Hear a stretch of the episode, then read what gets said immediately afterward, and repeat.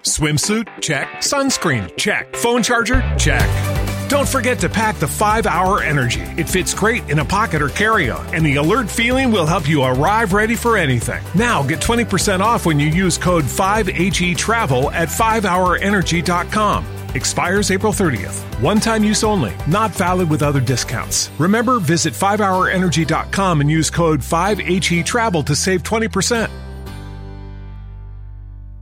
Bona nit, són les 10 en punt. Aquí comença el Marca't un canyo.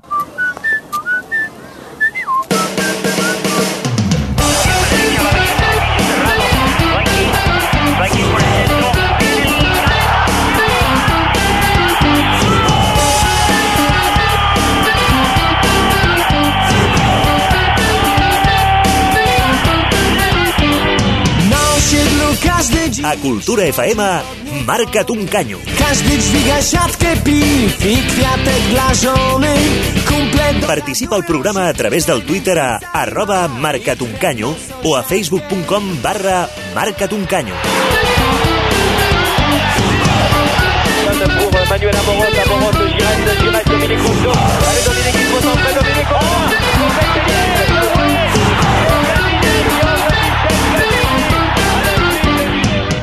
I avui és dilluns 25 de gener, dia en què el Barça és líder de nou, empatat a punts amb l'Atlético de Madrid, però amb un partit menys. D'aquest nou canvi al capdavant de la Lliga, del Madrid que es despenja una mica més eh, i de més coses. En parlarem avui al Mercat Un Canyo, aquí a Cultura FM, sense oblidar-nos tampoc de la prèvia del partit de quarts de final de Copa contra l'Atlètic de Bilbao ni del mercat de fitxatges.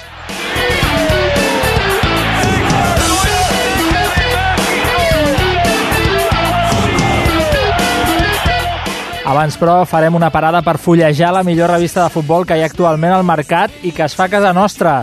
L'Helena Regui, de Panenca, s'encarregarà de descobrir quins intríngulis hi va haver en la confecció del darrer número d'aquesta publicació futbolera. Zabawa ciągle Chociaż piłki czasem dwie A bramki okrągłe Każdy Passen dos minuts de les 10 de la nit a les vies de so i tenim el tècnic de capçalera del programa, el David Gutiérrez Guti, i al meu costat d'aquí una estona, quan arribi, hi haurà l'Oriol Cortés perquè l'Aina Grau avui ha causat baixa d'aquest programa, ho lamentem molt. Jo sé, de bona tinta, que el Dani Aguilar tenia moltes ganes de veure-la, un Dani Aguilar que ja tenim per aquí, el que saludarem d'aquí una estona. Aguantarem una mica la intriga de, de quina veu té el Dani, ja veureu com us agrada. Així que us recordaré jo la pregunta que fèiem avui a les xarxes, perquè ja que no hi és l'Oriol ni tampoc hi és l'Aina, doncs em toca fer allò un Juan Palomo, eh? Jo me lo guiso, jo me lo como. La pregunta del dia deia, sabent de la duresa de l'Atlètic amb Neymar, el faríeu descansar dimecres a la Copa? Retuit si és que sí, un cor, el que antigament era un favorit, uh, si és que no. Les vies de contacte ja les sabeu, arroba marcatuncanyo al Twitter i a facebook.com barra marcatuncanyo. Em dono les autogràcies i amb el menú servit obrirem les pàgines de l'últim número de la revista Panenca.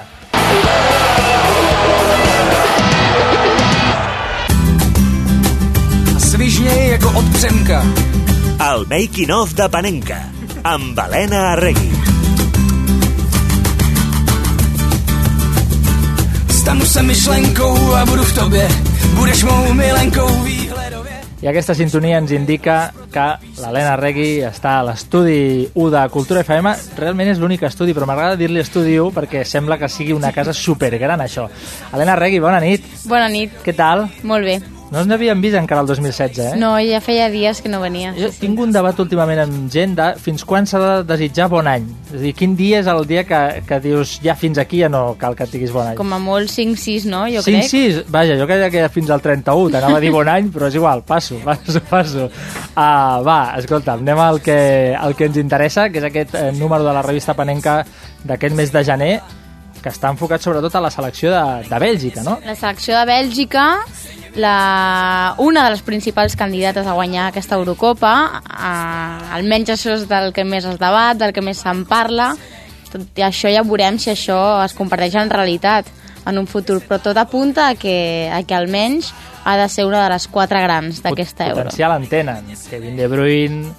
La veritat és que tenen una, juga, una, una generació de jugadors que feia molts anys que no es veia des dels anys 80 dels- d'aquells Diablos Rojos no se'n recorda una amb, amb tant de potencial tot i que el joc és cert que és molt diferent i la selecció en si també però i hi ha moltes coses que ens fan recordar en aquella selecció. a la selecció mítica dels anys 80, una selecció que, que va triomfar, però abans m'explicaves, i ho explica òbviament la revista Panenka en les seves pàgines, en aquest número sobre la selecció belga, que han saltat de no sé quin número de la classificació FIFA al número 1. Des de l'any 2009 han passat de la, de la posició 67 a la número 1. I com pot ser això? El 2009. Si no han guanyat res, que jo sàpiga. Però al final la FIFA té en compte uns, uns barems que, que van sumant i baixant punts, que al final no s'entén gaire els títols i els no títols, però el fet és que això M'agrada com has posat el to en aquests barems, com dient... No sé, no sé qui ho tria, això, però, però estan allà, el número 1, no? Sí, sí. La selecció espanyola, per exemple, després de guanyar dos Eurocopes, un Mundial, no fa massa, tampoc. Sembla que, que fa molt, a veure, fa molt de la primera, però aquest cicle mm. se suposa que hauria d'estar molt amunt i no, no, és Bèlgica. És Bèlgica. Ni Alemanya, que té l'últim Mundial. Ja ho veurem, ja veurem si això es converteix en una realitat o com a l'últim Mundial acaba deixant un, un sabor una mica... Això, en el fons, és més pressió per, per ells, per Totalment. una selecció molt jove. Això t'anava a dir. Amb jugadors molt joves que segurament mai han guanyat res, tot i que molts d'ells estan en grans clubs d'Europa. Sí, Potser sí. és la diferència... Mira, ara repassava a internet, a la porteria hi ha, per exemple, eh, Simon Mignolet, del Liverpool, també hi ha eh, Thibaut Courtois, del Chelsea, tenim, eh, qui més tenim? Tenim a Jan Vertonghen, del Tottenham, eh, tenim a Vermaelen, del Barça, que aquest ja potser ja queda una mica més, més gran, però hi ha Axel Witsel, gran promesa, que potser a, al Zenit no ha acabat de, de tenir la carrera que esperava, però, però un futbolista molt bo. Eden Hazard, òbviament, Uh, el que dèiem també, amb Romelu Lukaku, Kevin Miralles, Benteke, Kevin De Bruyne, a davantera és de PlayStation, eh? I déu nhi déu Jo no sé si la pressió els podrà, però ho viurem a, en aquesta Eurocopa que ens deia l'Helena. Ja veurem si més no, doncs tenim ganes de veure aquesta Bèlgica. I tant, home, per espectacle no serà. Si tu sents aquests noms a priori dius, home, defensiu Algun no juguen, de donar, no? i tant, Clar. i tant. Va, anem a, al segon gran bloc d'aquest eh, número de la revista Panenka, que és una entrevista amb Quique Setién, un mite. Sí, és... Eh, el- bueno, l'entrevista tracta una mica sobre... Ens explica la seva experiència com a tècnic de primera, el primer cop que entrena en primera, el, el timó de les Palmes, i bé, simplement ens, ens mostra un home reflexiu, tranquil, amant dels escacs i de l'escriptura. Ah, mira, Li agrada molt escriure. potser per això és bo fent el que fa, no? El Quique Setién és entrenador actualment. Vull dir que això dels escacs potser té algun eh, tipus de traslació al camp de futbol que desconeixem. Si més no, aquesta tranquil·litat, aquesta pau, aquest to de, de, de reflexió, de pausa abans d'actuar, almenys segur que li ha ajudat. Ell així ho entén, així ho entén i també entén que l'escriptura li dona aquest moment de reflexió i de trobar-se un mateix doncs, que també necessita. Home, també està bé que els entrenadors siguin tranquils en la seva vida quotidiana, perquè si no moririen d'un infart, cosa que no, que no els hi desitjo. Però... La veritat és que us la recomano molt, aquesta entrevista. Sí, perfecte, la- l'anirem a fullejar, ja no sé per on començar, perquè entre el bloc de Bèlgica i l'entrevista a Quique Setién se'n gira feina. Doncs espera que encara hi ha més. No, no, ja ho sé, ja ho sé, perquè tenim un tercer apartat que, que és amb, amb un personatge espectacular i, i comple xarxes com és Gerard Piqué, una xerrada amb Gerard Piqué. Sí, però en aquest cas vam voler aprofitar que presentava les seves noves botes, Tiempo, les que sempre ha dut Piqué, per parlar una mica més d'aquesta tècnica, aquest toc dominant que ens sorprèn o que ens que, que caracteritza una mica els, davant, els centrals perdona d'avui en dia.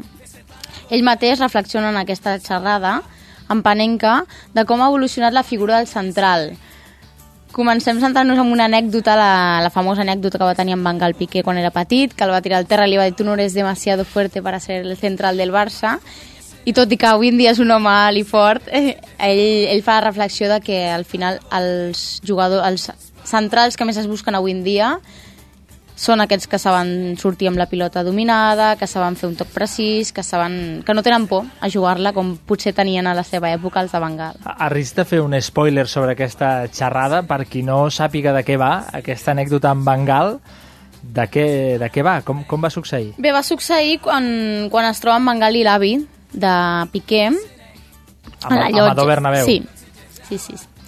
I l'avi de Piqué li, li comenta, doncs mira, aquest, aquest el meu net serà el pròxim central del Barça, ja ho veuràs. I Bengal, amb la seva ironia típica, li diu sí, a veure, tráemelo. Quan va arribar el va, li va fer una empenta i va caure al terra i li va dir aquest nen no és, lo suficientment fort per ser central. Perfecte, carai, aquest Bengal, geni figura. Segur que no li va dir amb aquesta veu tan dolça que posava l'Helena, sinó amb aquell to de Luis segur, Bengal. segur, segur deia, que li va marcar Piqué i segur que ara se'n riu de... Tu eres muy malo, li devia dir, i mira Piqué on ha arribat.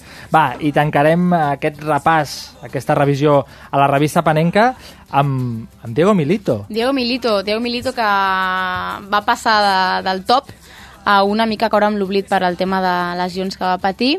Ara torna a estar Racing, ha promès que, es- que, que es retirarà quan acabi el 2016.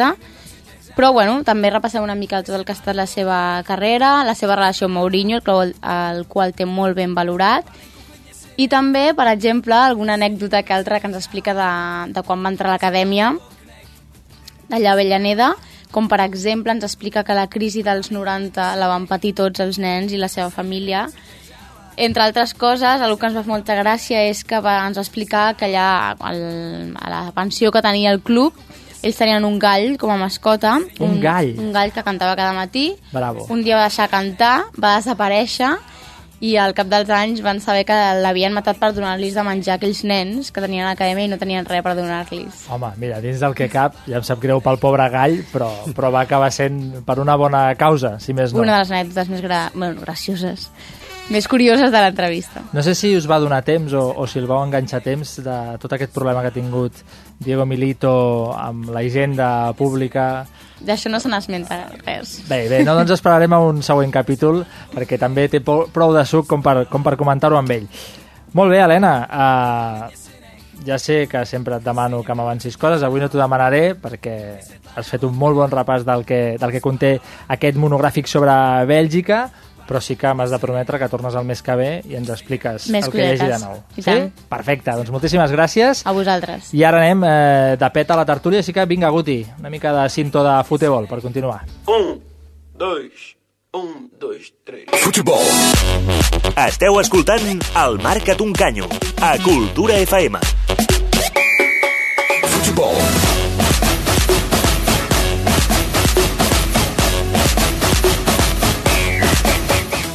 L'Oriol Cortés ha arribat ja esbufegant del seu entrenament de bàsquet, així que podem fer el repàs de l'actualitat futbolística del dia i comencem amb el Barça, que aparca la Lliga i se centra ara en la tornada de quarts de la Copa del Rei. El conjunt blaugrana, després de viure un cap de setmana rodó amb victòria a la Rosaleda i la recuperació del liderat, aparca momentàniament la Lliga i ja ha començat a preparar el partit de tornada dels quarts de final de Copa davant l'Atlètic, que jugarà dimecres a dos quarts de deu al Camp Nou.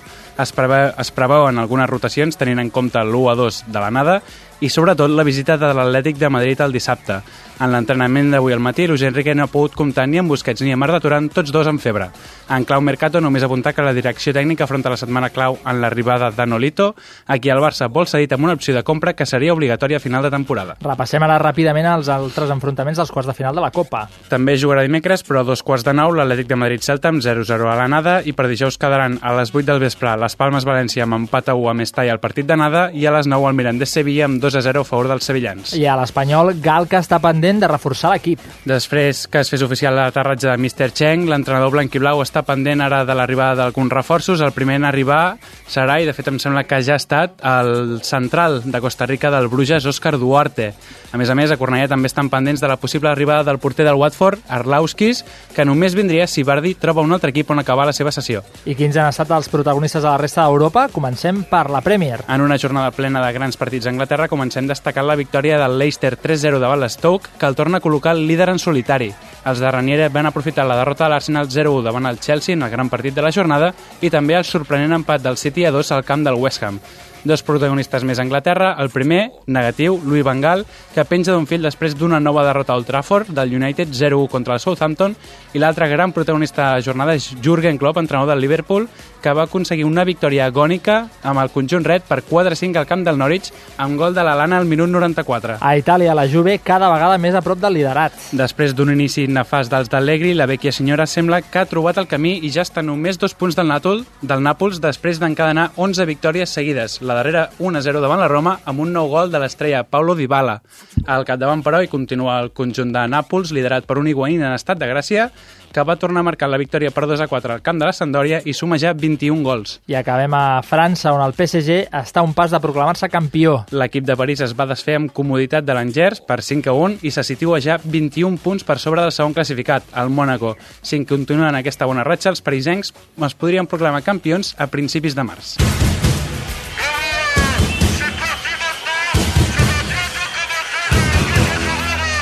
La tertúlia del Marca't un canyo.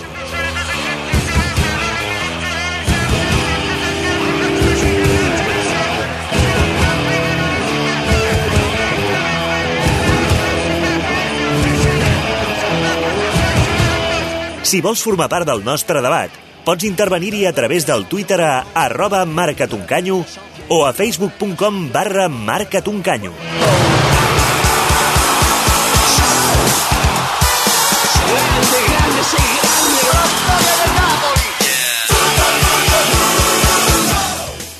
I quan ja és un quart d'onze de la nit començarem la tertúlia i és un plaer presentar a un senyor que s'estrena avui en aquest estudi, el Dani Aguilar. Bona nit i benvingut. Moltes gràcies, amic Canyo. Merci. El, el Dani, aquesta veu melosa que té, us Melosa. sonarà perquè algun estiu que altre potser l'heu sentit als esports d'una casa petita que es diu rac o si sintonitzeu Ràdio Sant Cugat, allà el trobareu explicant coses d'actualitat esportiva, no? Més o menys? Sant Cugatenca, però sí, d'actualitat esportiva, sí. Tant, Tot és actualitat aquí. I tot és esportiu. Sí, i tant. Els que, els que ens apassiona ja ho té, això. I tant, i tant. Escolta'm, espero que tu passis bé. Al final, al final m'ho dius. Segur sí. Farem una valoració. Segur Helena sí. Regui, ja l'heu sentit, les meravilles Seguim de aquí. Panenca són cosa seva. Seguim aquí.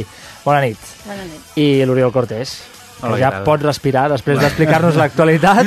Sí. Més tranquil, eh, ja? Sí, ara ja més Va, tranquil. Doncs, presentats tots, anem a, cap a la teca. Jornada rodona pel Barça, que sense jugar tampoc un bon partit a Màlaga torna a ser líder de primera gràcies a l'empat de l'Atlético de Madrid i es distancia del Real Madrid, que també va ensopegar el Benito Villamarín. Suposo que no es pot demanar més quan l'equip dona menys, no?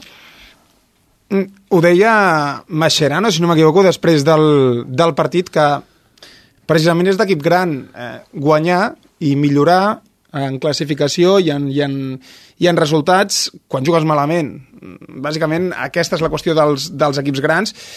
El pitjor partit de la temporada, mm, és ho va dir mateix, el mateix Luis Enrique, quan un, quan un entrenador utilitza el qualificatiu nefast pels seus, pels seus jugadors ja és prou evident, però vaja, eh, jo he trobat un punt massa alarmista tenint en compte el, el que ha passat, eh, recordant també la tralla que porta l'equip fins ara, que és molta, d'on ve, i, i sobretot tenint en compte el rendiment que se li ha tret a la classificació. A poc a poquet, no, no, tinguem, no tinguem alarmes abans d'hora, perquè, perquè un partit així el pots patir, el camp també eh, era complicat, eh, per tant, jo tampoc li trauria una conclusió tan negativa com, com algú li està traient. Avui hi havia gent, ara que dius això, que ho comparava amb la derrota noeta. Sí, sí, Home, paral·lelismes aquests. de fet, aquest cap de setmana el millor és el resultat. Recordem que el Màlaga va ser l'únic equip capaç de, de treure'ns punts la, la temporada passada. És a dir, aquest any fas el mateix partit i el guanyes.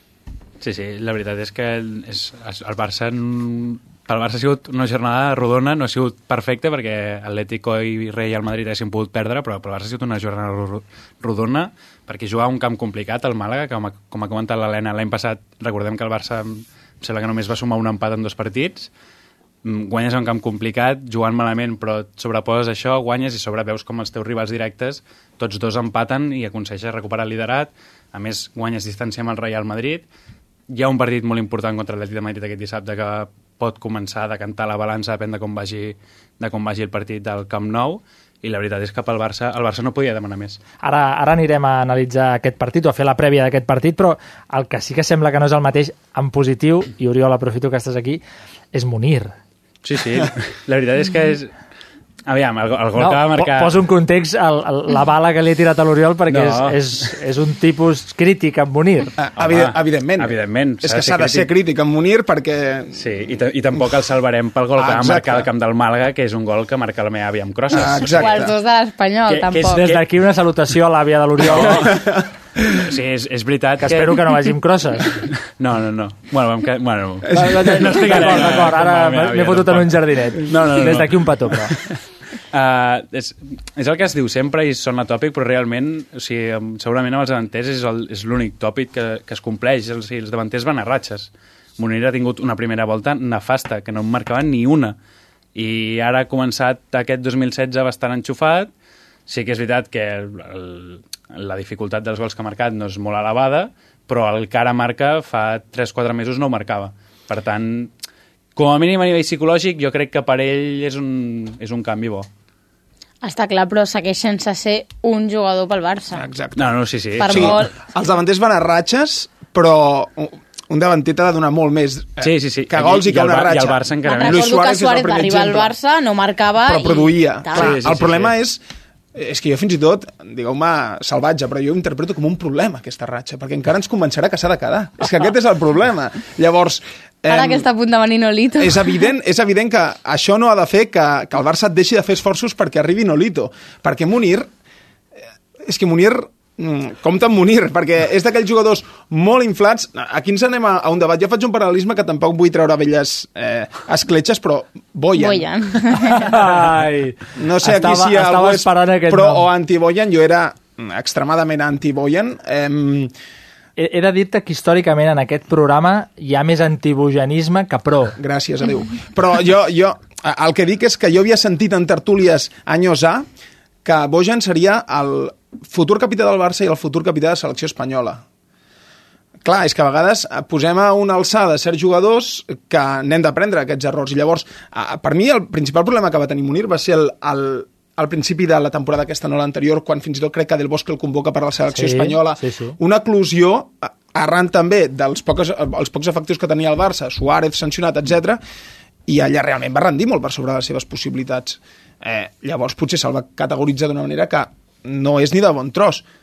Tot el, tot el meu respecte per Munir, eh, pobret, que li estem fotent unes castanyes aquí de caldeu, però no, No, no, però- no, no trobo que sigui un jugador pel Barça. No, i més quan, quan no és que hagi tingut aquesta temporada oportunitats esporàdiques, és que han tingut quatre mesos Sí, sí. sencers, partit rere partit, un ell, un Sandro, cap dels dos. No és una oportunitat, eh? És, és que, si en quatre mesos no ets capaç de demostrar res, no ets jugador pel Barça. Ens, ens arriben tuits ara mateix amb reaccions de gent que diu que fàcil és eh, ficar-se en bojan, si em permeteu la utilització d'aquest verb. Um, ho és, ho és, malauradament ho és, però és que el seu rendiment ens va donar aquesta facilitat, amics, vull dir, no, no, uh, d'acord, uh, després va haver-hi tota la polèmica, que si la Copa, que si tants gols, que si Guardiola... Mm, després, Boyan ha fet el que ha fet en el món del futbol, Uh, I jo crec que oportunitats n'ha tingut molt sobrades. Hi ha moltíssims altres davanters que ha tingut moltes menys oportunitats i s'han hagut de buscar les garrofes. Nolito s'ha hagut de, buscar, de buscar les garrofes en una altra banda i, i, el que ha fet Nolito, no? que ara es mereix tornar al Barça. Per mi Boyan no ho va fer, però clar, el tema de Boyan és molt sensible perquè hi ha un exèrcit Eh, i complex, i complex. pro Boyan eh, Sí. que a poc, a més, és, és un exèrcit amb la pell molt fina que a poc que t'hi fiques ja salten a la jugular, no? No, no. un exèrcit molt grupi, s'ha de dir. Sí, exacte. Més- Completament grupi, sí, més sí. que exèrcit. Molt d'acord amb aquest objectiu. Podríem, podríem coincidir És que em recorda. Justin Bieber, tio. Ostres, Bojan Bieber, eh? Potser sí, potser sí. No, però a més, Bojan, aquí sí que podríem omplir tot un programa fent el debat de si inclús va triar la millor, el millor equip per anar a, a despuntar, no? Un cop el Barça no el, va, no el va voler més o li va obrir la porta, potser anar a la Roma i a la Lliga Italiana no era la millor elecció, i tot el i totes les llegendari que voltes hi ha que ha darrere de fet. Boyan, de les anècdotes, de si quan està el, el, pràcticament el juvenil no vol jugar amb el B, llavors Guardiola se'n fa... Uf, Hi ha tot un, tota una moguda darrere que, evidentment, no, no arribarem a saber mai. Però això en tanca el rendiment del Barça. Després, quan ha sortit del Barça, no? Sí, sí. Les lesions tampoc No han t'ha callat la boca com ha fet eh, Nolito. Ah, exacte. Bé, uh, no era la meva idea principal parlar de Bojan avui, però, però està bé. En tot- suc, dóna suc. En tot cas, soc molt, soc molt fan de- d'aquest moment culer, no?, de mena, suposo, per la idiosincràsia de com és la colerada, de que Munir abans eh, tothom volia que despuntés o quan despuntava tothom deia ah, que bé, no sé què, va començar a fallar, ara tothom se'l vol treure i hem arribat al punt de home, no sé si és bo que despunti molt que encara ens el quedarem. Soc, és, és fantàstica aquesta reconversió del, del discurs blaugrana. Però anem a altres coses, perquè abans ho comentava l'Oriol Cortés, a sis dies que l'Atlético visiti el Camp Nou, els de Simeone han perdut el liderat i amb un partit més que el Barça, aquí en aquesta taula fa 15 dies vam dir allò de que era un partit clau, donada la igualtat al capdavant de la Lliga, entre primer i segon. No sé si aquesta idea de partit clau com a tal s'ha igualit una mica. No, jo crec que no. A part, jo crec que tots plegats vam aprendre... És complicat a, a hores d'ara, però vam aprendre una lliçó molt gran quan l'Atlético guanya la, la Lliga que guanya. Eh, ningú s'ho esperava, tothom deia la cantarella de sí, sí, sí, però al final, doncs mira, al final Simeone es van donar Lliga. I, d'acord, teníem el Tata, però vaja. I mm, eh, jo crec que a aquestes alçades, i amb tan poca diferència de punts, no hi han, eh, no hi han partits clau Vaja, sí, en tant que, que qüestions d'enfrontaments directes, etc. però tenint en compte les dificultats que tenen els grans també a dia d'avui en els altres camps, sí, és un partit molt important, evidentment, però encara queda molta teca i, i vaja, mm, tampoc ho veig un partit molt determinant, com aquells que diuen que el Madrid, ara ja, si guanyem, eh, si el Barça guanya Gijón a 7 punts, el Madrid ja està mort. Per favor. Dir... Però almenys jo no crec que sigui tan clau. No. Jo crec que és- que s'ha de guanyar contra els Màlagas, primer, Exacte. i, i després aquests, òbviament, s'han d'intentar guanyar, però, però al final és un partit. No Bueno, el veig tan determinant, ara. Jo aquí sí que discrepo una mica. Per mi sí que és un, és un...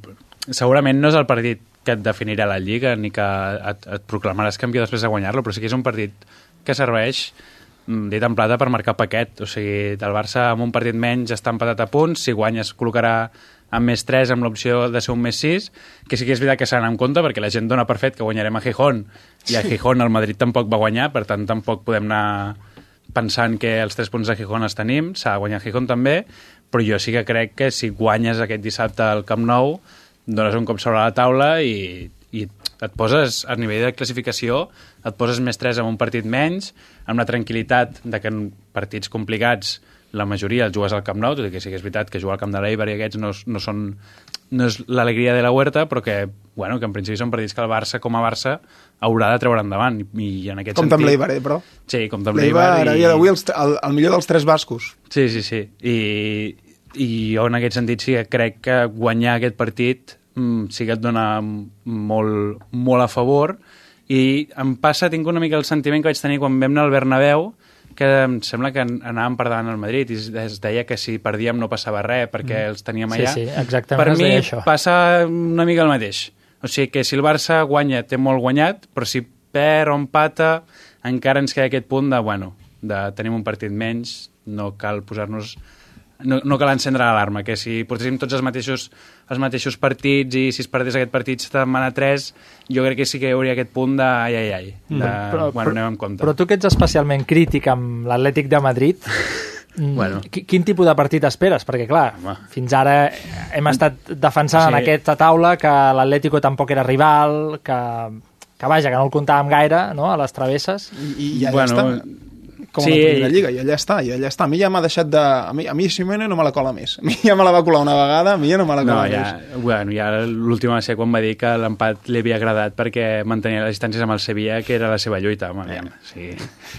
Que lluiten per la tercera sí, posició. Que, que tontos no som. I, I avui, de fet, Godín l'ha contradit. Ha dit que el partit de dissabte és clau per, per la Lliga.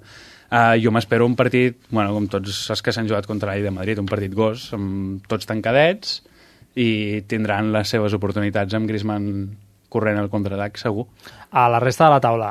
Anem a l'altre equip de Madrid. Se li ha escapat el tren al Real Madrid? Al Madrid mai. No, és, és un error donar-lo per mort i, i històricament se'ns ha demostrat mil cops. És cert que sempre acaba entrant en una dinàmica autodestructiva. Tenim aquesta sort els últims anys, però jo crec que no se'l pot donar mai per mort. I més quan ara tenen el líder de la manada... Mm, bueno, no crec que se l'hagi de El líder de la manada és Zidane, no? Sí. Bueno, Ah. eh, no- només diré que se les prometien molt felices guanyant 5 a 1 i 5 a 0 contra Deportivo i Sporting a casa, però que la primera El sortida millor han palmat. inici d'un entrenador del Real Sí, Madrid, sí. deien. Clar, que Bueno, dius, clar. home, amb dos partits, clar, home, I poca amb- cosa i podem I amb valorar. dos partits al Bernabéu contra els rivals que són. O sigui, que sí que el Deport va empatar dos, però, bueno, aviam, No, a més, recordem que el Madrid amb Benítez també feia golejades al Bernabéu. Home, va guanyar El 10 a 2 problema- contra el Rayo. Sí, sí. El problema de, de l'equip de Benítez Sí, sí. eren les sortides i els equips que planten cara. Això sí que és un problema pel El, Madrid. el, el partit d'ahir és amb Benítez i els pals que li gonen a Benítez són horrorosos. Vull dir, Sí, sí. Eh, és una qüestió de... Però ells, és que ells ho fan molt bé, això. És una qüestió de no tant de futbol, sinó pràctic, pràcticament de màrqueting futbolístic. Tota el, la dinàmica que generen al voltant, no?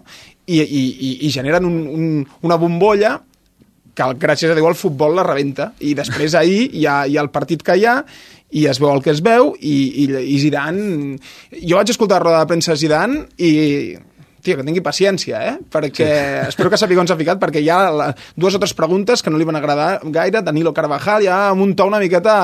Eh, amb una miqueta, una miqueta que resposin. Atenent-nos a on estem, perquè és, és complicat. Dit això, jo amb el Madrid no...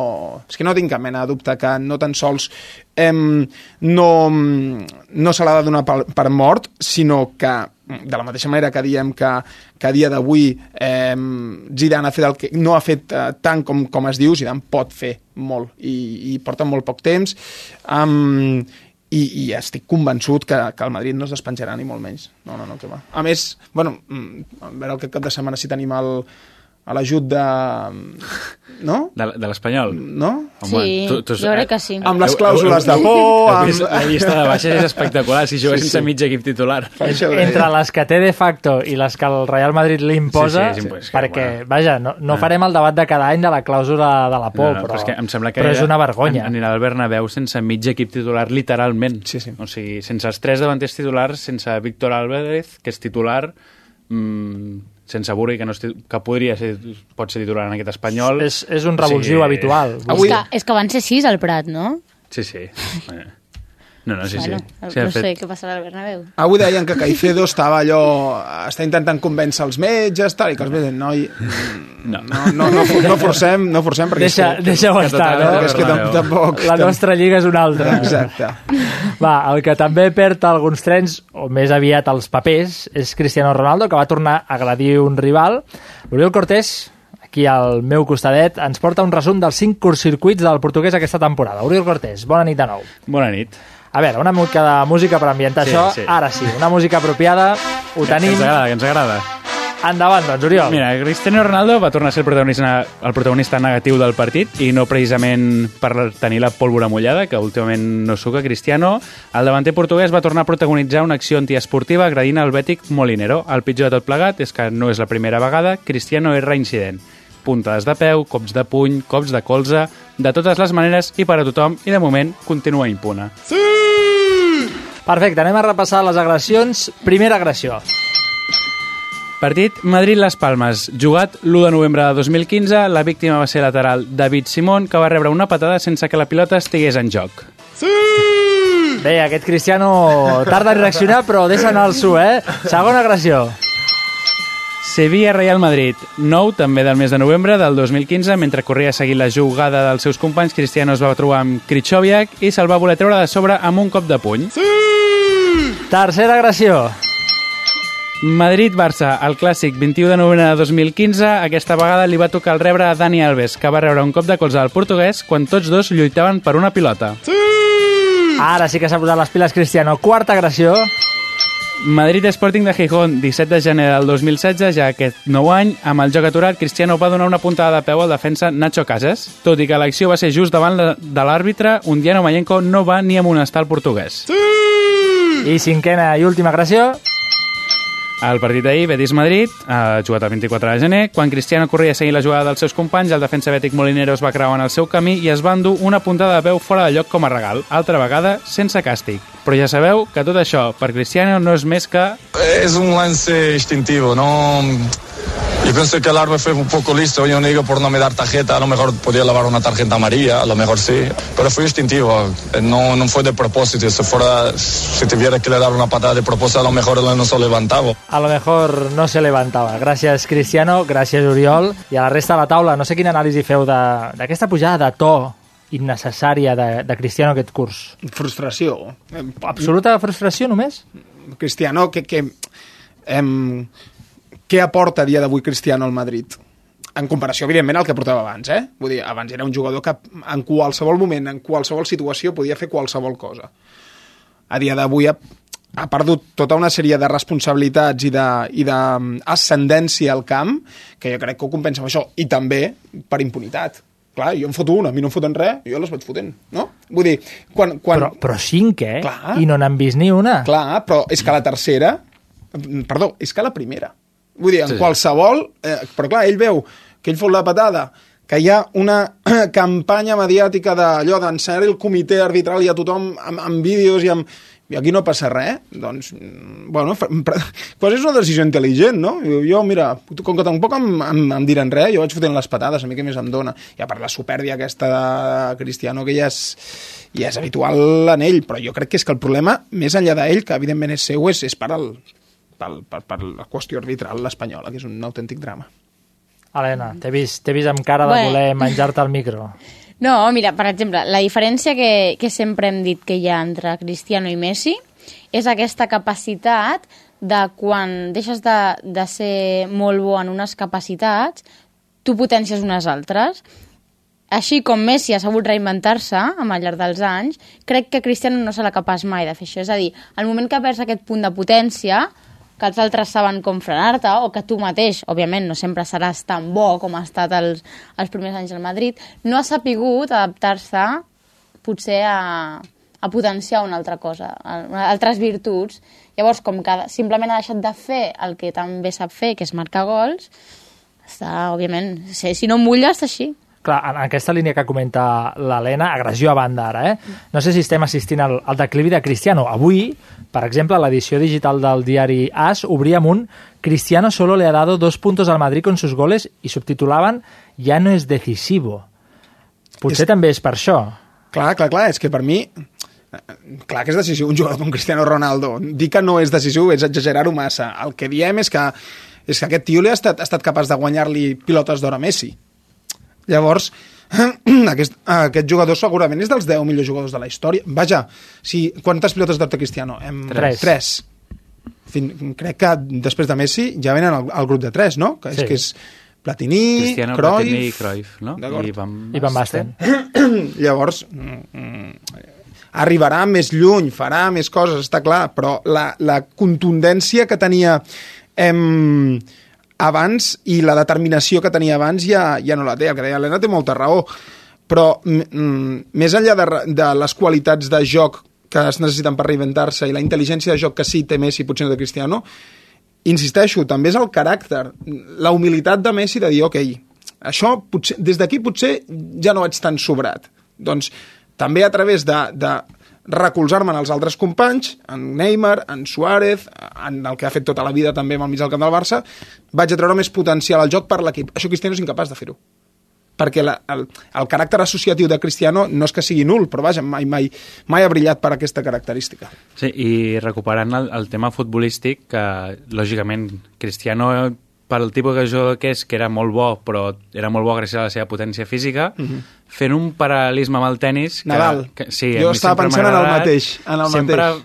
Jo sempre dic el paral·lelisme que Cristiano és una mica com Nadal, que vivien de la potència i del físic, i Messi és una mica més com Federer, Sí, senyor. que sempre mantindrà el toc. Estava pensant, quan l'Helena deia, està pensant en el És, mateix. que sempre, és una comparació que sempre tinc al cap i és, és que em recorda això. O sigui, és un tio que perd la capacitat física i llavors comença el seu declivi i l'altre que, com que té el toc i té la intel·ligència aquesta i el saber fer, es sap adaptar i va fent, potser no serà...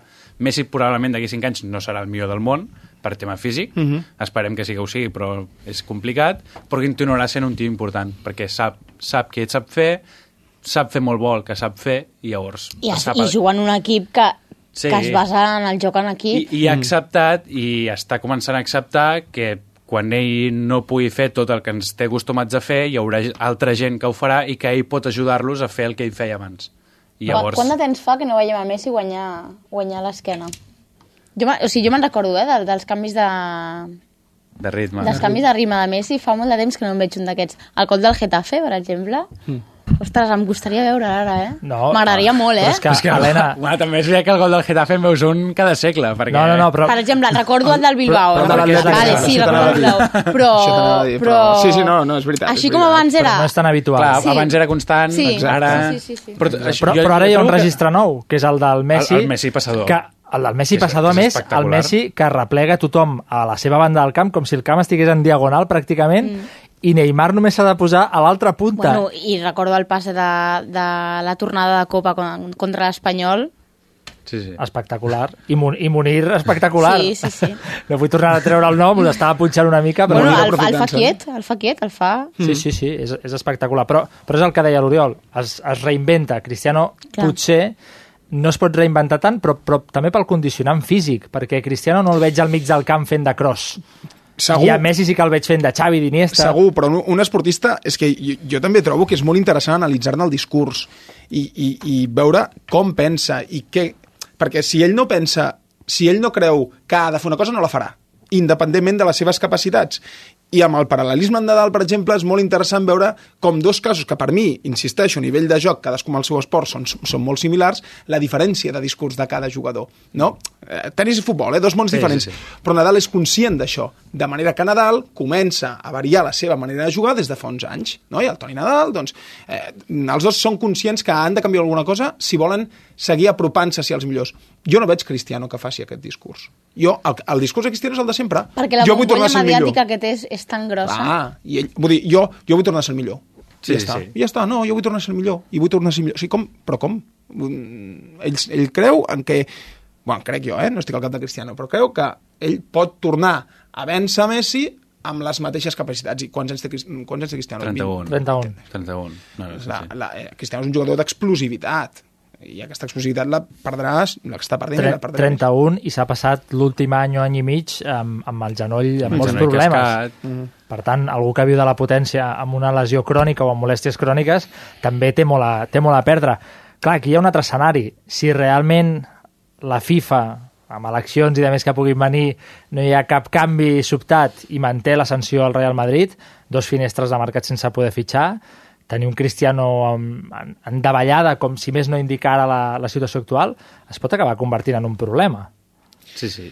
I a més, home, la portada aquesta que dius de la- de l'edició digital de l'AS és una que- d'aquelles coses que amb la mateixa ratxa negativa de Cristiano fa un parell d'anys era impensable veure un titular a l'AS o al Marca de Cristiano ja no és decisivo. O sigui, era impensable.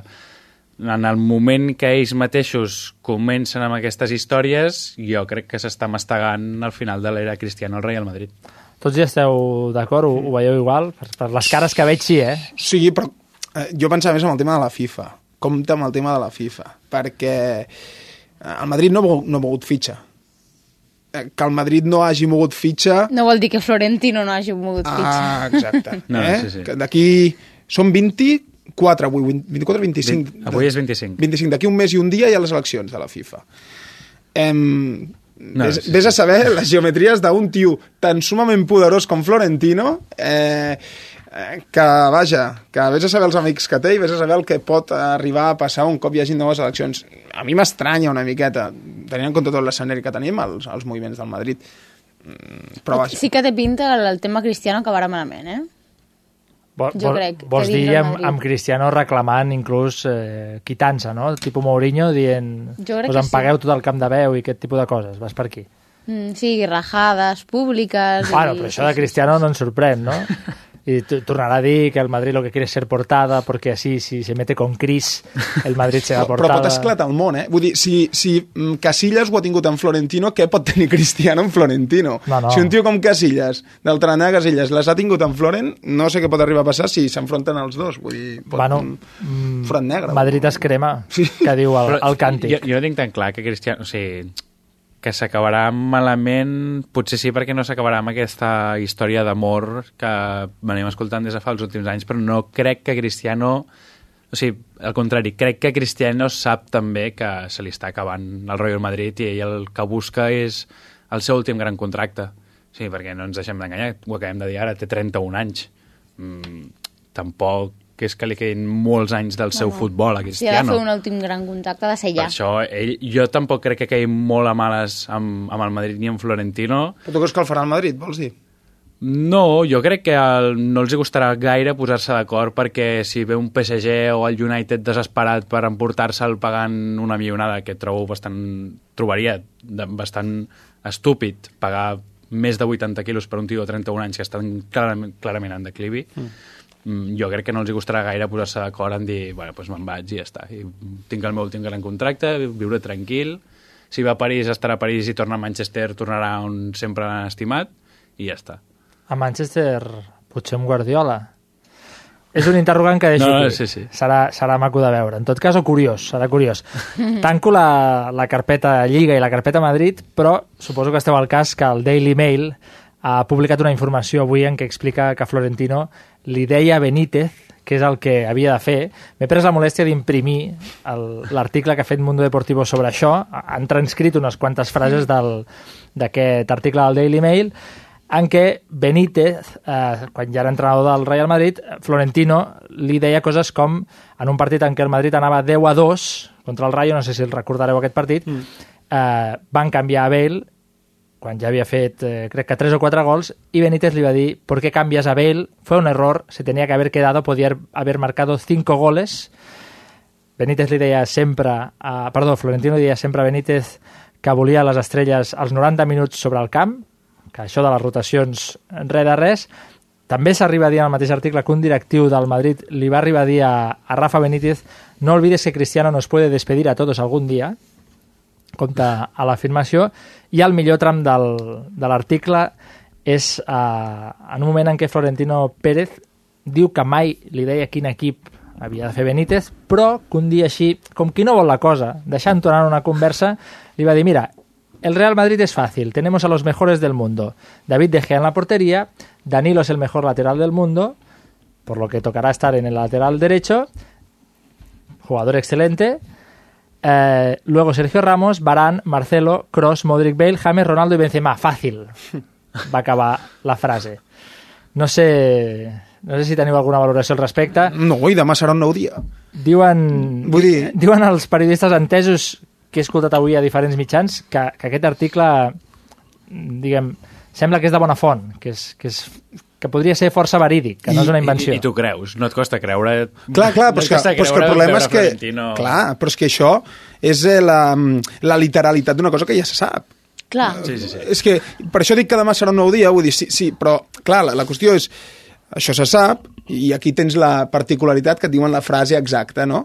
Però eh, vull dir que Florentino és eh, director esportiu i pseudoentrenador del Madrid mm, el problema és que no hi hagi ningú que s'hi oposi. Me n'he deixat una de molt bona que diu ¿Sabes cuántas camisetas vende James? Kovacic no vende ni una. Eh?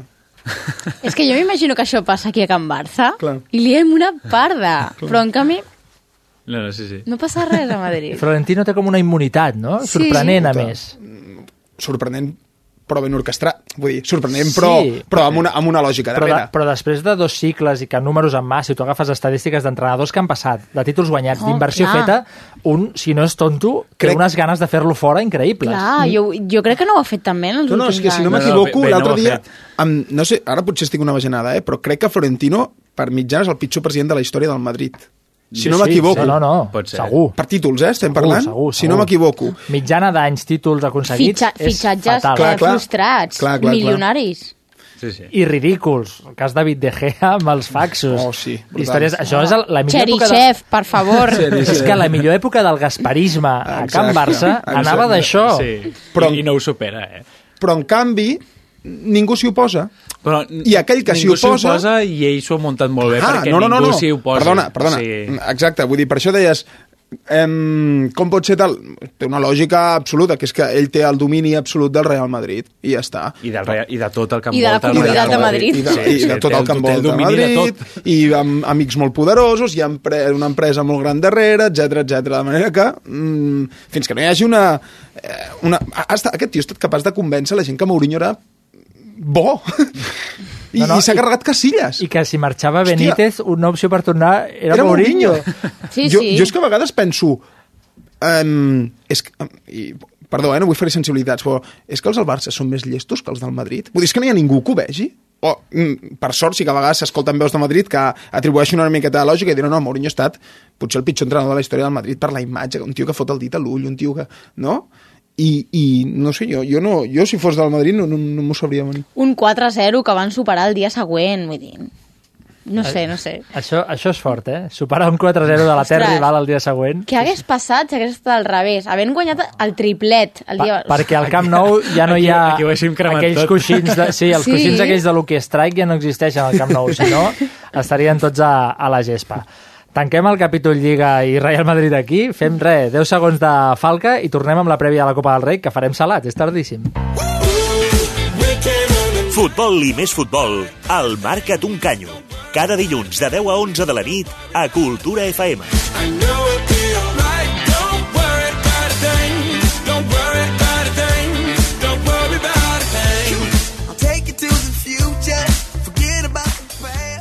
Vinga, ens hi tornem a posar. Parlàvem de la Lliga i del duel entre el primer i el segon classificat de dissabte al Camp Nou, però abans hi ha Copa del Rei amb la tornada dels quarts entre Barça i Atlètic de Bilbao. Dani, Helena, Oriol, no sé si renta suficient aquest 1-2 de l'anada com per, com per fer rotacions, inclús. Jo diria que no. Jo sóc de les que sortiria amb l'11 de gala, almenys els primers 30 minuts, i després ja començaria a, a rotar. Ja, Sembla que- I a la mitja hora fer canvis, no? Sí, però sembla que seran obligades les rotacions. Eh, Busquets i Arda els tenim en febre. Sí. Um, jo jo trobo que el, que el Barça ha de ser prou equip com per poder fer rotacions i, i per poder superar aquestes eliminatòries perquè després ve un calendari pff, mm, Mortal. mortal És que la Champions és a tocar, eh? i perquè sí, sí. és allò que sempre dius, no? No pensaràs en el següent rival fins que no superis aquest, però és que després ens toca l'Atlético. Eh, uf, I espera't que no toqui tres vegades. Si passa. Llavors, tres vegades seguides amb Simeone, jo no. No, jo no, em vull imaginar. Si ja ens cansem horrorós. amb l'Atlètic de Bilbao, pobre... bueno, pobrets no, perquè déu nhi també com se I venim d'un espanyol. I venim d'un espanyol. I- Sí. Um, jo sí que apostaria per, per rotacions. Um, A la davantera, Munir. No, jo, jo No. precisament crec que la davantera jugaran No, els tres i Sí. hi haurà més rotacions al mig del camp. O sigui, Iniesta i Busquets els hi toca descansar, perquè Sí. si no, no A, a, aguantaran. a Neymar, tot i els pals que rep sempre contra els bilbaïns, Jo crec que el manteniu jugarà. aquí, eh? Sí. Sí, Sí, jo sí, perquè- jo sí. Jo crec que s'ha superat, això, ja. Sí. Sí. I el Camp Nou és diferent. Sí. N'esteu n'esteu segurs, eh? Jo és Sí. que, els, jo és que quan, quan el veig que se li apropa una la sabries, blanca i vermella, m'agafa m'agafa de tot. Eh, Jo crec que era més, més eh, perillós just els partits després de Sí. la famosa... Però jo crec que això, dintre el que cap, ja s'ha superat. Que un altre dia debatrem sobre, sobre el que va fer Neymar. Sobre l'Ambreta, Sí, jo no ho acabo De de l'any veure. passat. Clar, bueno, però bueno, podem, com que són tan rancorosos... podem debatre si vols, però vaja... Eh, ah, però, però, Però no, tu defensa, tu, si tu estàs a favor... Clar. Tu estàs a favor de la Lambreta. Clar. Ah, sí. Bueno, No, no, estic juga a favor de, de Neymar, de la manera de jugar de Neymar. Sí, sí, sí. Neymar i no, de no. qualsevol, és igual, Clar. jugui com jugui. Vull dir, A veure, si ho intenta fer Puyol, dius, aviam, has intentat vacilar, però... Escolta'm, Puyol feia ruletes al mig del camp, eh? Us ho vull recordar. Us ho vull Ostres. recordar, com si fos Zidane, però amb molt més pèl. A l'Eurocopa, crec, o no sé on. eh, sí, Oi, amb el Barça Mundial- també, amb el Mundial, no, el Mundial, el Mundial d'Alemanya. Dues sí, seguides sí, em va sí, fer. Sí, sí, sí, sí. No, no, poca, poca broma amb la, amb la ruleta de la Pobla, la ruleta poblenca, és el que feia, el que feia Puyol. No, us ho preguntava perquè avui estava repassant unes dades per, per preparar el guió i em sortia que Neymar és el futbolista del Barça que rep més faltes en tota la Lliga. N'ha rebut 63, 27 més que Suárez i 43 més que Leo Messi i, atenció a la dada, 10 faltes més que tota la davantera del Madrid, Bale, Cristiano, Benzema. És comprensible. I eh, es, també. I es presta, això, eh? Vull dir, Clar. eh, mm, té una manera de jugar, que no dic que sigui correcta o no, però que té una manera de jugar que eh, s'enganxa la pilota allà i, i si d'alguna manera es vol per aquest tio és aixecant-lo un pam del terra, vull dir. I que no dic que sigui correcta, insisteixo, però que mm, com a tal jo crec que no tan sols ho ha de suportar, sinó que a sobre jo crec que ho està suportant de manera brillant, brillant. Ja va tenir un aprenentatge a Brasil, que a Brasil també se les gasten allà. Sí, sí. A Brasil deixa'ls anar també com I, i, rasquen. Ens fa, ens fa por l'Atlètic del Bau recuperar algunes imatges dels partits del Santos Ah, quan exacte, estava allà. exacte, exacte. I se, i se, te- se passen totes les pors, perquè Exacte. allà li donaven patades literal, o sigui, anaven a donar-li la patada sí. No, no, literalment al cap. jo no o sigui, dubto que, que ell és valent, perquè si no, no faria tot això que fa. No, no, no. I li venen i encara en vol més. Sí. Però, clar, quan veus el que fa i veus que és molt bo, hosti, a mi em fa com... A No, mi però m'esgarrifa. més, és, és com Messi, o sigui, Messi i Neymar són jugadors d'aquests que el, el, si els donen una patada, la següent diuen sí, doncs et fotré tres canyos mm. i m'aniré de tu de sontes vegades i et marcaré un gol. Sí, senyor. I et quedaràs aquí Però, segut però està. m'esgarrifa, però, però no pel fet que sigui Neymar, eh? Igual que m'esgarrifa No, no, sí, una sí. entrada feta a qualsevol equip que parteix una cama en dos. Sí, no, sí, no sé, sí. és que el veig com molt, sí, a tu molt fa prim. por veure un Maradona eh, dos amb Veu, Neymar, sí, no? veure alguna cosa així. Bueno, Eh, bueno. Amb, amb Neymar i amb qualsevol jugador sóc molt Sí, sí. aprensiu, no, no, ho puc, no ho puc Home, suportar. clar, si passés ens faria mal a tots. O sigui, són aquelles imatges que et fan mal, però bueno. A més, els de, els de l'Atlètic, que són així fornits, saps? De- D'aixecar pedres. I, bueno, és això, I tallar troncs amb el cap. Ah, exacte. això que tenen, això que tenen. Amb els dents. De la resta de partits de quarts, farem una mica de futbol ficció, no sé si, si faríeu apostes sobre qui passarà. Hi ha Celta Atlètic com un 0-0, hi ha València 1, Les Palmes 1, el partit d'anada, ara, i és Sevilla 2, divertit. és, que, 0. és que és molt divertit aquests quarts, és el tema Neville. És on, Sí. sí. oi, oi, oi. Jo, a mi em fascina, a mi em fascina. València em fascina. O sigui, el que està fent aquest tio Ningú diu res? És horrorós. No, clar, Sí, que s'ha de tenir paciència, Però eh? si no sap ni les setmanes que fa que està al club. L'altre dia li van preguntar i va dir menys dies dels que realment porta. És, no sé, no sé, no sé què passarà, però vaja, és molt d'hora, eh, evidentment, però és, és, és curiós el cas. És, una, és còmic, oi? És còmic, és molt còmic, exacte. és còmic, perquè estàs un germà, no?, el cos tècnic, Sí. tot plegat amb, amb qui hi ha darrere de tot això. Però és tot perquè són amics del Lim Sí, aquest, de Peter no? Lim. Sí. De Peter Lim, exacte. Clar, són amiguets, i llavors... Sí, És, un, és un drama. dantesc, dantesc. Bueno, Peter Lim, que a més comparteix eh, drets d'imatge de Cristiano Ronaldo. Clar, però és que no hi ha, tot no hi ha, això- no no hi ha Cristiano Mendes per Ronaldo allà, Mestalla. també? No hi ha Mendes Sí, per allà, també Mendes, fotut? sí, per sí, això ho sí. dic, per Deu- això ho dic. Mendes eh? deu tenir 10 jugadors a la plantilla del València. Un dia m'agradaria fer-ho, si trobem el periodista que ens ho pugui explicar, trucar a València, algú molt entès a, en, en, la, diguem, en les interioritats del club de, de Mestalla i preguntar perquè és que és per fer una sèrie de, de Sí, sí, ciència-ficció. Sí, és sí, sí. brutal el que passa allà. Jo crec que Nuno el que hauria de fer és escriure un llibre. Sí. Igual que Zlatan va fer aquell Jo sóc Zlatan, Jo sóc Nuno i crec que a València tremolen tots. Vaja, de tots aquests rivals que us he dit no teniu cap preferit, eh? en cas de passar, de dir... Home, si passa les palmes, les palmes. Clarament, no? I que ens cantin Cherifel te quiero i aquestes coses. No, ja, ja sé que t'agrada. No, però aviam. Home, ara no em direu que voleu l'Atlètic de Madrid a semifinals, perquè jo no el vull. Jo tampoc. Però és que, eh, jo és que Bueno, veig, sí, tan, clar, ets, ja. veig tan clar que, ho Sí, sí, sí. És que arribats a un punt... Si passem els dos, sí, És caurà que, l'Atlético, és que ni segur. que el Mirandés No, remonti segur que no... Que al Barça no li cau el bombo. No, és que seria una semifinal Mirandés Las Palmes i l'altra Barça Atlético i ja està. Hosti, si passa... Mira, si, arriba el, si passa això, Oriol, et pago alguna cosa. No sé, ben bé què, però alguna cosa et pago. Va, farem l última que ens queden 4 minutets per acabar i farem salat. Però no sé si a menys d'una setmana perquè tanqui el mercat d'hivern considereu que el Barça hauria d'accelerar algun fitxatge. Sona Nolito tot el dia, però vaja, o Nolito o ningú, Helena? Home, jo, a mi Nolito em ve molt de gust, la veritat. Més sabent que no tenim un, un davanter suplent, més sabent com està Nolito, més sabent les característiques del jugador, Sí, m'agrada sí. molt. Sí. I jo crec que es farà. Doncs, Es farà perquè ell vol. doncs a mi, a mi no m'agrada Nolito. Ja sé No? que vaig a contracorrent de tothom, però a mi no m'agrada. Per mi I és quin un... perfil de davanter No, és, fitxaries? bueno, és que aquí és el meu primer problema, que jo veig més problemes a la defensa que a la davantera. O sigui, estem parlant d'un Barça que té Piqué i encara gràcies, i es va veure a Màlaga que quan no hi ha Piqué la defensa fa és un drama, Mhm. I portem no sé quants mesos parlant de que necessitem un suplent per Neymar, Suárez i d'això, però és que no tenim un... És Però que, al final tens és que no cinc té- centrals, eh? Sí, tens cinc centrals, però és que no tens ni un segon central titular de veritat, perquè Mascherano... amb I tots tens un quart davanter titular de veritat? Ah, Tu No. estàs caient en la malaltia Munir, em No, sembla, no, eh? no, no, no, no, no. Estàs no. convint. Això, No. això, això em refereixo. No, no, vull dir, no. Jo crec que el Jo- tema Nolito és més essencial No. del que la gent pensa. Jo crec que, És que Munir est- està estem, fent... Estem, estem parlant, des del meu punt de vista, que tenim tres davanters titulars. Sí. Sí, estem d'acord. I que des del meu punt de vista, amb Mascherano com està, ja no tenim dos centrals titulars. O sigui, tenim Piqué i tenim Mascherano, que quan surt cara és Però molta cara, molt, però tens quan moltes surt més creu... opcions. Sí, però quina opció és bona? Home, Vermalen... Tens Vermalen és bon, bueno, Vermalen, el partit de Màlaga, o sigui, el va, el va crucificar el mateix Luis Enrique, Bartra porta Va- tres temporades Bartra no jugarà mai més. o sigui, ja si no va jugar aquest dissabte no jugarà en la seva vida al Barça, i, i Matier, bueno... Matier és- és jo em plan preu- B. Jo encara, sí, però jo encara em pregunto què fa Matier al Barça. Bé, és una pregunta que podem deixar per dilluns que ve, quan hagi tancat el mercat de fitxatges i tornarem segur. Acabem la tertúlia aquí.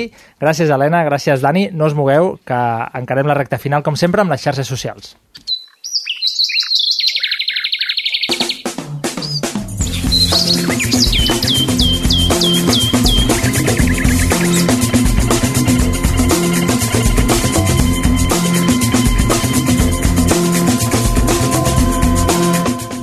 l'Oriol Cortés ja està a punt per recordar molt ràpidament la pregunta que fèiem a les xarxes i com ha anat. Sí, la, aquesta setmana us preguntàvem si, sabent de la duresa de l'Atlètic amb Neymar, el faríeu descansar dimecres a la Copa. Recordem que retweet era que sí que el faríeu descansar i un cor que no el faríeu descansar. Doncs bé, han guanyat els cors, la gent Clarament, no, clarament. faria descansar Neymar i destaquem un comentari de Paula Carreras al Facebook que diu no Neymar, no party. I per la Paula Carreras és la revista Panenca que sortejàvem aquest mes, així que felicitats i anem a acomiadar el programa.